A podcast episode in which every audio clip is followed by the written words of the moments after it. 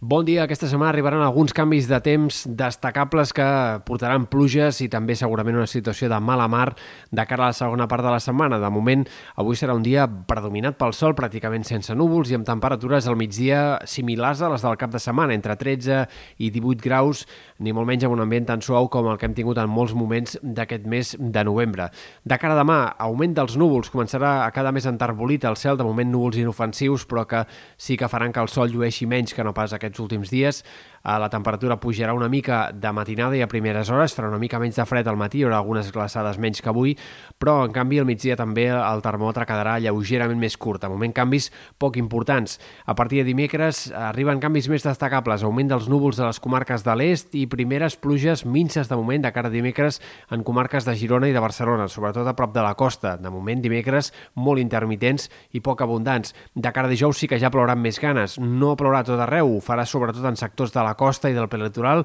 però en alguns d'aquests sectors, eh, sobretot al sud de la Costa Brava, Costa Central, també cap a les Terres de l'Ebre podria haver-hi acumulacions de pluja de 10-20 litres per metre quadrat ja durant la jornada de dijous i a més a més podrien ser pluges bastant continuades les que hi hagi al llarg d'aquest dijous. De cara a divendres i dissabte arribarà la tongada de pluges més destacable de la setmana, que afectarà especialment País Valencià i Terres de l'Ebre, però també segurament alguns sectors de l'Empordà, acumulacions que podran ser de més de 50 litres per metre quadrat en alguns d'aquests sectors, i a mesura que avanci el cap de setmana, en tot cas, el temps milloraria bastant ràpidament i segurament diumenge podria predominar molt més el sol que no pas els núvols. Pel que fa al vent, destaquem que dimecres començarà a bufar ja d'entre xaloc, eh, llevant i tant dijous com divendres, tot i que segurament no arribarà a ser fort en cap moment